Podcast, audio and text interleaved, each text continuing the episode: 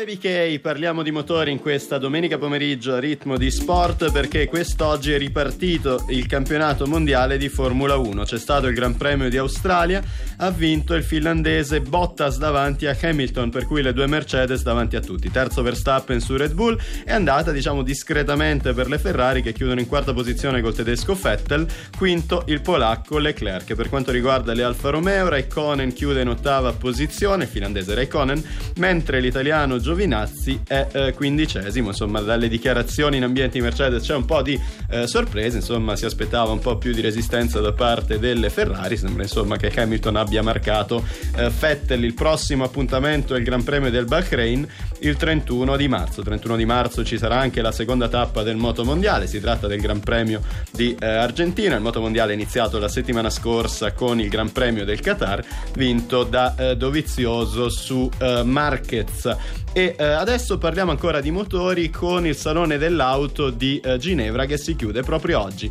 E per parlare del Salone dell'Auto di Ginevra abbiamo con noi Nick Papis di One Life Rally.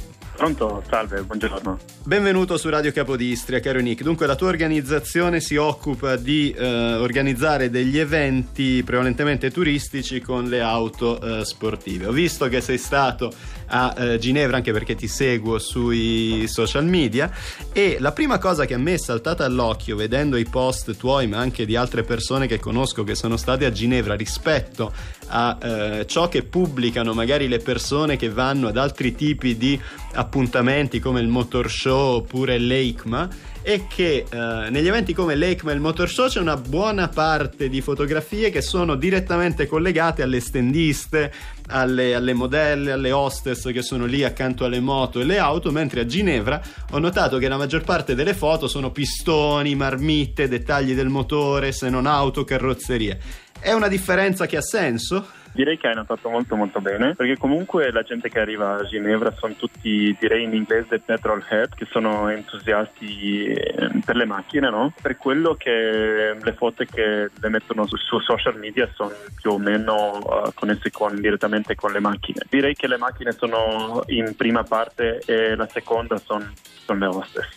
Senti un po', che cosa ti ha colpito di questo Salone dell'Auto per questo 2019? Ma direi che più o meno tutti stavano parlando della nuova Bugatti, la Voturno A, che costa mm, circa 16 milioni di euro, che è una cifra allucinante, direi enorme, per quello che ha colpito veramente tanto. E dall'altra parte sempre il produttore croato Rimac, che ogni anno mette fuori una macchina che ha, direi, eh, la potenzialità molto molto alta. Senti un po', a te che comunque organizzi eventi con auto sportive, vorrei chiedere una, una, cosa, nel senso che io non ho mai avuto la possibilità di guidare un'auto chissà quanto potente, capisco che magari c'è anche la tendenza di utilizzare tutte le potenzialità che eh, il motore offre, però un conto è farlo in pista in un contesto diciamo sportivo in un certo senso controllato con una serie di standard di sicurezza.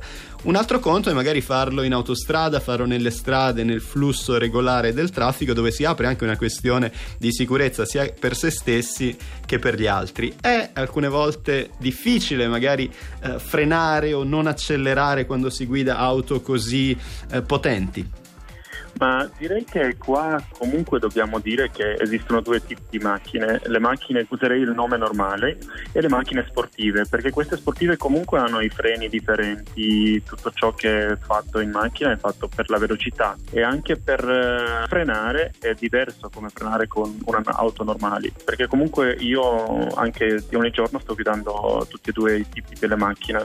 E, mm, fermarsi direi con una Fiat 500 perché la stavo usando anche questa un po' di tempo dal 130 a 0 è quasi più difficile con una macchina che ha freni sportivi dal 200 a 0 no? e comunque secondo me è necessario controllare la velocità. Direi di non andare oltre il limite della velocità vicino a dove ci sono i bambini i villaggi, le città e così. Però la Germania comunque sappiamo tutti che su, su autostrade su alcuni parti non ci sono limiti, comunque loro sono anche conosciuti eh, di avere eh, sicurezza in traffico molto molto alta. Eh, direi che qua ci sono vari argomenti per un tipo o per altro tipo eh, di quello che c'è in Germania e di tutto il resto di Europa. Chiaro, quindi alla fine probabilmente come in tutto a far da padrone deve essere il buon senso, magari anche l'attenzione quando si è in strada, indipendentemente dal veicolo che si guidi, sia una bicicletta, sia una macchina a 200 cavalli o sia un'auto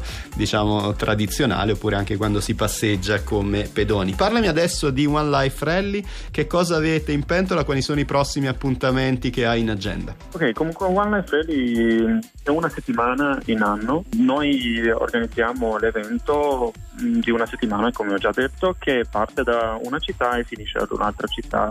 Normalmente lo facciamo direi più sulle zone balcaniche e est europee. L'anno scorso però per esempio abbiamo cominciato a Venezia, Mestre, siamo andati eh, verso Romania, l'ultima tappa era Mammaia Costanza. C'è tanta gente che ha le macchine sportive, macchine di lusso e non ha tempo di usarle. Comunque essendo un evento di una settimana la gente può utilizzare il nostro evento come una vacanza. Se ti piacciono le macchine, se hai voglia di guidare, di uh, vedere i nuovi posti, di conoscere la gente, perché comunque è un nostro evento anche un tipo di networking, perché 100 persone che hanno macchine così e vanno in giro danno anche la possibilità alle certe aree di vedere le macchine di questo tipo e loro per conoscere la gente di, di, quella zona. Significa che possono succedere anche nuovi investimenti, cose nuove, no? Chiaro, ma anche nuovi contatti umani, quindi capisco che si tratta in buona sostanza degli eventi itineranti che partono da una città, arrivano in un'altra, ci sono una serie di tappe, all'interno di queste tappe ci sono